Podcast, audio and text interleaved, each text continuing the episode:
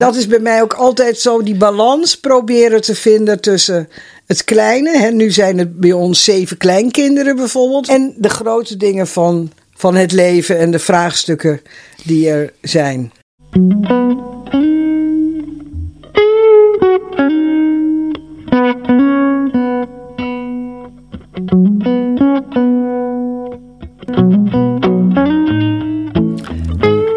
Naam is uh, Annette Sprotte. Ik ben predikante in de protestantse gemeente Haarlem. En in het bijzonder wijkpredikante voor de wijk Schalkwijk.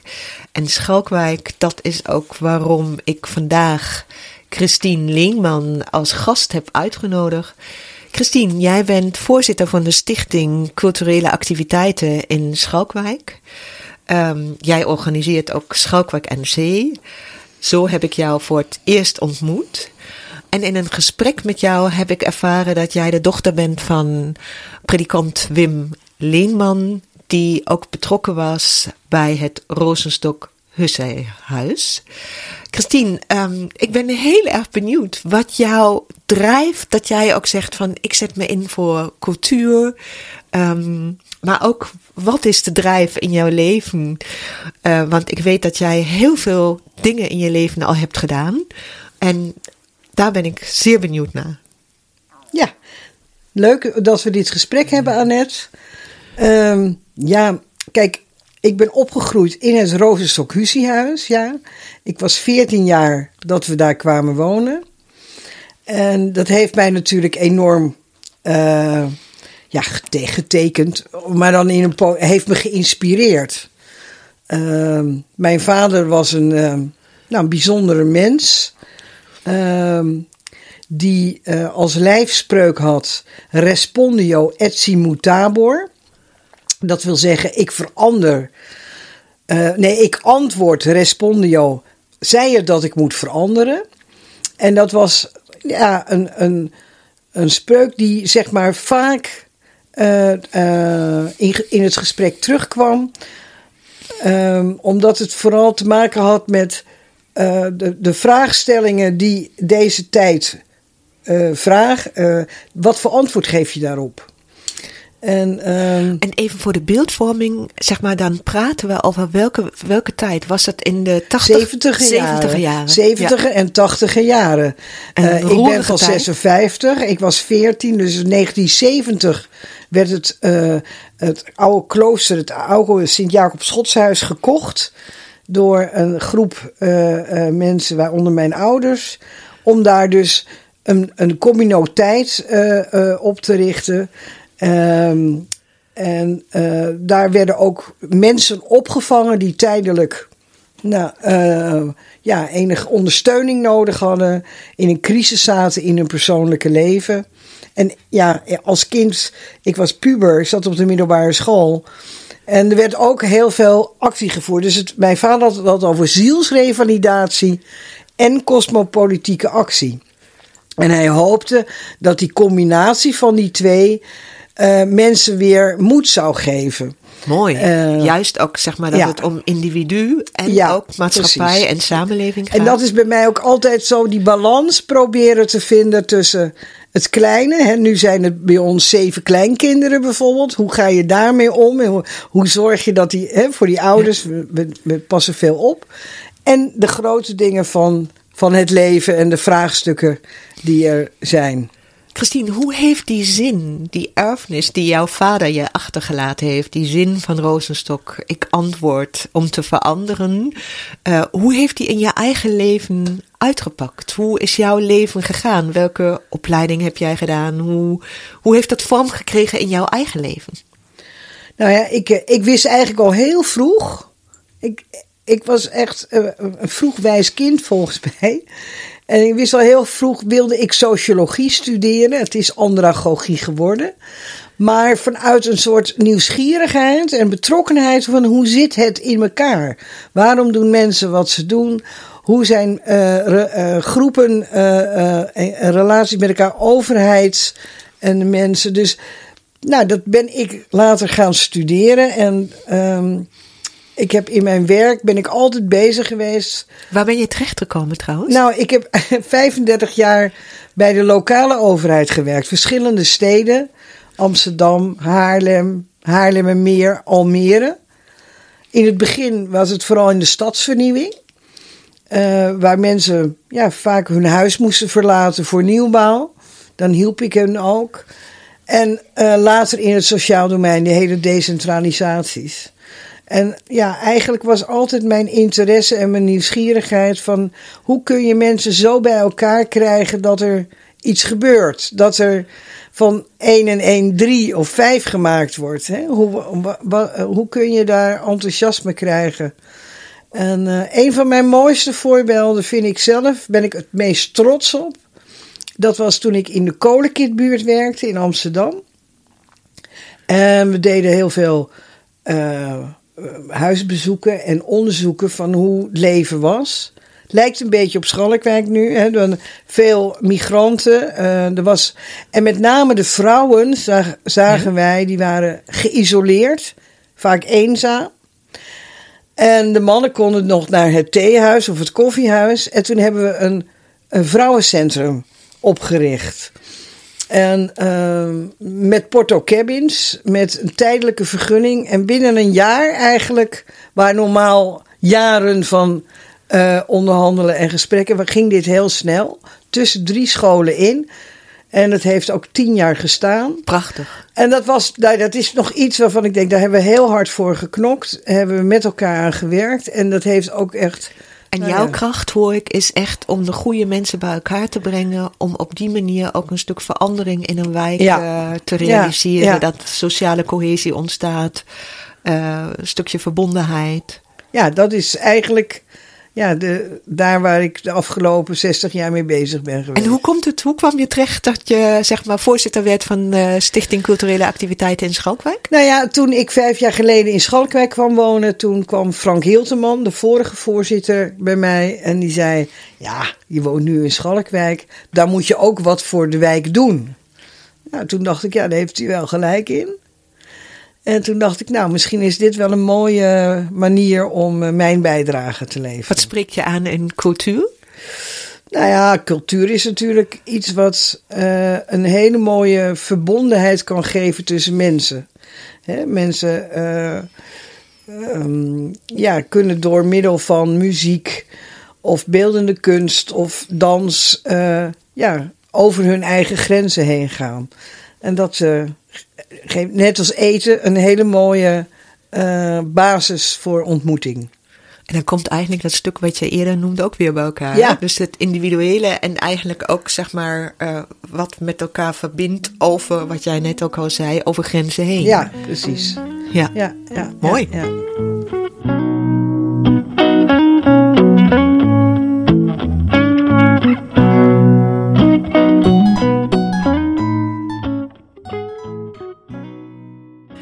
Christine, we zijn hier in de eh, kerk zijn we in de 40 dagen tijd.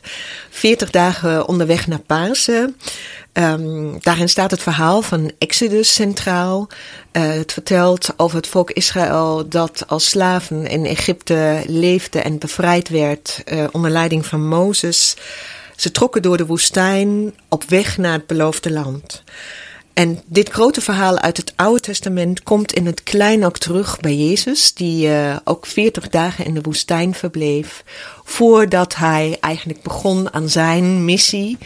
Ehm, als jij, ehm, en jij kent natuurlijk ook nog de, ik zeg vanzelfsprekend natuurlijk, omdat jij nog christelijke roots hebt, hebt meegekregen. Als je aan die woorden, bevrijding, het beeld, woestijn denkt, ehm, op weg zijn naar een beloofd land. Welk van die beelden spreekt jou het meest aan? Nou, ik moest eh, heel erg denken aan het lied De Steppen zal bloeien. Hè, en de steppen zal bloeien, eh, de beken zullen gaan. Hè, het bekende lied van Huub Oosterhuis, Ja. wat ik echt een paaslied vind. Ja, Hè, eh, het is een, een, het lied en paas, mijn vader heeft altijd gezegd, paas is veel belangrijker dan kerst. Hè, kerst is, is een mooi eh, romantisch verhaal, maar Pasen, dat is de essentie. Want dan kom je weer op die respondio et simmutabor. Het is mogelijk om in je leven nieuw, opnieuw te beginnen. Het is mogelijk om, nou, eh, eh, eh, en, en ik denk ook even aan de nieuwkomers, de vluchtelingen die bij ons in Schalkwijk wonen. Die, ja, die hebben geen keuze, die moesten. Net als toen uh, uh, Prachtig hoe, hoe 2000 jaar geleden. En ja, daar doet het me erg aan denken. Invulling aan geeft.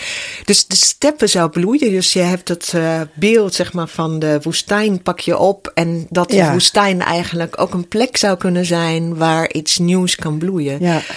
Ik zou graag ook nog aan jou willen vragen, als je nu kijkt naar je eigen leven, hoe jij zeg maar antwoord hebt gegeven om te veranderen, om die zin van je vader weer te herhalen, of van Rozenstok. Mm -hmm. um, als jij zeg maar naar je eigen persoonlijke leven kijkt, is dat ook een beeld wat je voor jezelf herkent? De woestijn, de steppen zou bloeien. Heb jij woestijnervaringen en ook weer de ervaring, hé, hey, daar heb ik opnieuw kunnen beginnen, heb ik kunnen bloeien. Mijn eigen paaservaring ook meegemaakt? Nou, ik ga, uh, ik hoop 2 september voor de derde keer in het huwelijk te treden. Wow, gefeliciteerd. Uh, en um, ik, ben dus, ik heb dus al een aantal relaties achter de rug.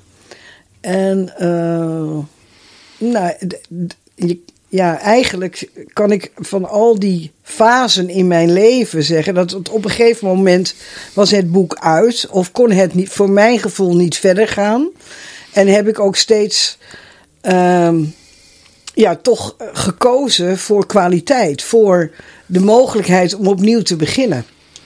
En um, ja, ik denk dat ik in mijn leven echt verschillende momenten heb dat ik uh, ja, de, de stap heb genomen, wat altijd een moeilijke en pijnlijke stap was, vooral als er kinderen zijn.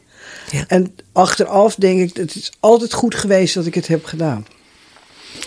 Dus jij kent ook vanuit je eigen levenservaring het gevoel van um, um, ja, dat iets niet meer loopt. Ja. Dat iets niet meer stroomt. Ook in mijn werk. Uh, ja. In je werk heb in, je ook vergelijkbare In mijn werk heb ik ook een aantal uh, keren uh, zeg maar van plaats gewisseld. Omdat uh, niet zozeer de plek waarin ik zat, maar in andere omstandigheden. Omdat ja, soms is de magie weg. Soms uh, is het uit. En, uh, en moet je ook met elkaar concluderen dat het beter is dat je weer wat anders gaat doen. Ja. Mijn vader zei altijd: zorg dat je nooit een horloge krijgt voor 25 dienstjaren. Zorg dat er voldoende beweging is. dus dat is, dat is mij wel gelukt, zeg maar. Ja. ja. ja. Nou, dat is ook knap, want het vraagt ook elke keer, ik vind het ook moedig om elke keer weer opnieuw ook te durven beginnen. Um, heb je het gevoel dat je elke keer af, wat heb jij geleerd? Op nou, de... ik, ik, bij iedere scheiding leer je weer iets nieuws. Ik weet bij de eerste keer dat ik leerde dat, je, dat mensen niet te veranderen zijn wij vrouwen hebben, ik denk dat vrouwen vooral het idee hebben, nou, die man is wel leuk, maar dat en dat en dat. Als hij dat nou doet, dan is hij precies goed, weet je. En ik merkte, ik dacht, nou, dat. Je dus moet zeg maar, iemand accepteren over, zoals hij is. Over ideaalbeelden. Ja, precies. Ja? Dus, dus het, het uh, aangaan van een relatie en accepteren dat iemand zichzelf kan zijn. Dat heb ik heel erg geleerd bij. Hè, en zo leer je bij iedere keer, uh, uh, weet je, uh, leer je nog een beetje bij. En wat is het laatste wat jij nu in jouw nou, wat ik nu, huwelijk, wat je nu aangaat, ik, meeneemt uit al je ervaringen? Nou, ik heb dus... het lekkerste voor het laatste bewaard. ik heb nu een man waarvan ik denk, ja, daar wil ik absoluut oud mee worden. Ja. Uh, ik ben natuurlijk nu 66, dus je gaat ook naar de herfst van je leven. En ik zou ook niet aan moeten denken dat, ik, dat hij er niet meer zou zijn. Dat heb ik ook nog nooit gevoeld. Dat je zo uh, intens verbonden bent met elkaar. Ja. Uh, dat is, vind ik een hele bijzondere situatie. Dat maakt me heel erg gelukkig. Ja, dat straal je op je ogen stralen. Dus uh, ja. kunnen, ik kan ja. het zien. Dus dat is gewoon. Ja, uh, ja ik wens jullie echt heel veel geluk. Ja. Uh, Christine, um, jij bent ook altijd maatschappelijk betrokken geweest. Hè? Dat blijkt nu nog. Um, welke idealen? Want zeg maar, als ik nog een keer weer het beeld gebruik van op weg zijn, onderweg zijn. Welke idealen hebben jou gedreven? Ja, toch wel heel erg ehm, het ene mensengeslacht. Ook zo'n term van, eh, van huis uit. Ehm, heel erg bezig zijn dat eh, we, we in één wereld leven en dat kleur, religie, achtergrond, seksen niet, eh, er niet toe mag doen. Hè? Dat, dat iedereen gelijk is. En ehm, ik ben wel in de loop der jaren erachter gekomen dat je dat wel zou willen, maar dat er ook een soort menselijke behoefte is om onder ons soort mensen te zijn. Dus dat er best een spanning staat tussen wat je eigenlijk als ideaal zou zien en ja, wat je in de praktijk ziet en wat ik ook in mezelf zie, dat uh, het onder elkaar zijn een heel comfortabel gevoel geeft. En dat als je daar uitstapt en je, je, je steekt je hand uit naar mensen die je niet van oorsprong meteen denkt: hé, hey, dat is OSM, dat dat lastig is. En als je het bij jezelf herkent, kun je het ook beter begrijpen van een ander. Um, wat jij nu schetst, hè, ik keer nu terug naar het begin ook van ons uh, gesprek, want jij bent in Schalkwijk bezig. En Schalkwijk, ik ervaar het zelf ook, is een heel diverse uh, samenstelling van mensen. Ik ben benieuwd op welke wijze probeer jij daar vorm aan te geven, precies aan dat spanningsveld wat je zegt van, nou, het voelt comfortabel als je ons kent ons uh, met elkaar mm -hmm. op die manier optrekt. Maar we weten ook, er zitten in Schalkwijk ja, heel veel verschillende mensen. Ik heb wel eens aan een uh, sociaal wijkteam gevraagd: wat zijn, uh, zeg maar, wat komen jullie in Schalkwijk tegen? En toen was thema eenzaamheid en ook zeg maar financiële nood, armoede. Nu werk jij bij, uh, bij de Stichting Cultuur. Welke ideeën heb je om um, ja, zeg maar, dit spanningsveld iets kleiner te laten worden? Nou, ik moet eerlijk zeggen dat ik dat nog niet zo heel helder heb. Uh, ik werd voorzitter vlak voor corona. Nou, daarna stortte alles in. En um, ik zie dat er best wel op allerlei gebied, uh, ook vanuit de stad en de culture, culturele instellingen, gepoogd wordt om iets te doen. Ook voor de mensen in Schalkwijk. Want de stap voor velen over het Spaarne naar uh, het centrum is een hele grote. Juist vanwege ook die financiële problemen. Um, maar Schalkwijk aan Zee is een mooi voorbeeld. Uh, je was er zelf afgelopen ja. zomer. Waarin we uh, ja, proberen om heel laagdrempelig iets neer te zetten. Waar alle Schalkwijkers zeg maar, zich kunnen in herkennen. En nou ja, daarom denk ik dat het nou, goed is dat het er is. Daarnaast zien we de Wereldmuziekschool natuurlijk, die op allerlei manieren, uh, zowel met ouderen als uh, met uh, kinderen, al, verschillende culturen, dat mu muziek geeft ook een, een, band. Nou, jullie concerten uh, is dat natuurlijk ook. En eten. aanstaande woensdag maak ik 10 liter ertessoep voor een nieuwjaarbijeenkomst in Molenwijk. Waar geprobeerd wordt om allerlei verschillende uh, uh, soorten eten aan te bieden aan de mensen. En ja, ik ben heel benieuwd of dat aanslaat. Nou, dat is echt inderdaad, zeg maar, wat jij nu zegt over eten. Dat is iets wat ja. ik uh, ook herken. Wat ja. wij graag ook in Schalkwijk in de kerk, een ontmoetingskerk, ja. ook als concept uh, verder willen uitwerken. Om op die manier samen aan tafel goede gesprekken, maar ook verbinding aangaan. Dus dat vind ik wel leuk dat jij dat ook noemt. Um, en je noemt inderdaad Schalkwijk aan Zee. Ik heb het echt ervaren als iets uh, heel bijzonders. Het was toen, ik hoorde, want dat was mijn eerste keer, uh, dat het in, het in de afgelopen jaren voor corona groter was. Maar juist door de kleinschaligheid en dat er zoveel verschillende kleine instellingen aan meewerkten. Dat maakt het, vond ik, heel erg succesvol. Dus ja. ik hoop dat het inderdaad ook blijft. Dat ja. we het in de komende jaren ook doen. Ja.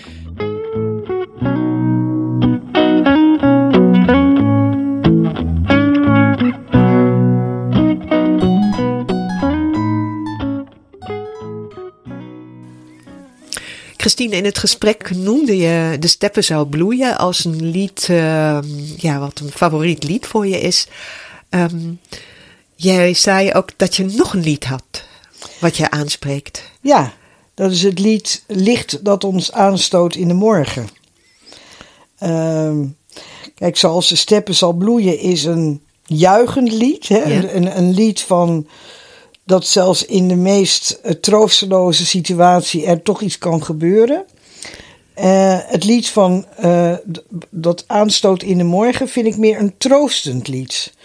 Uh, voor als je je ja, eenzaam voelt en, ja, en denkt waar moet het allemaal heen, dan geeft het, het geeft rust en troost. Zal ik een stukje voorlezen? Heel mooi. Ja? Licht dat ons aanstoot in de morgen. Voortijdig licht waarin wij staan. Koud, één voor één en ongeborgen. Licht overdek mij, vuur mij aan. Dat ik niet uitval, dat wij allen, zo zwaar en droevig als wij zijn, niet uit elkaars genade vallen en doelloos en onvindbaar zijn. Licht van mijn stad, de stedenhouwer. Aanhoudend licht dat overwint. Vaderlijk licht, stevaste schouder. Draag mij, ik ben jouw kijkend kind. Licht, kind in mij, kijk uit mijn ogen of ergens al de wereld daagt waar mensen waardig leven mogen en elk zijn naam in vrede draagt. Alles zal zwichten en verwaaien, wat op het licht niet is geëikt. Taal zal alleen verwoesting zaaien en van ons doen geen daad beklijft. Veelstemmig licht om aan te horen, zolang ons hart nog slagen geeft. Liefste der mensen, eerstgeboren, licht, laatste woord van hem die leeft. Hartelijk dank Christine voor dit gesprek.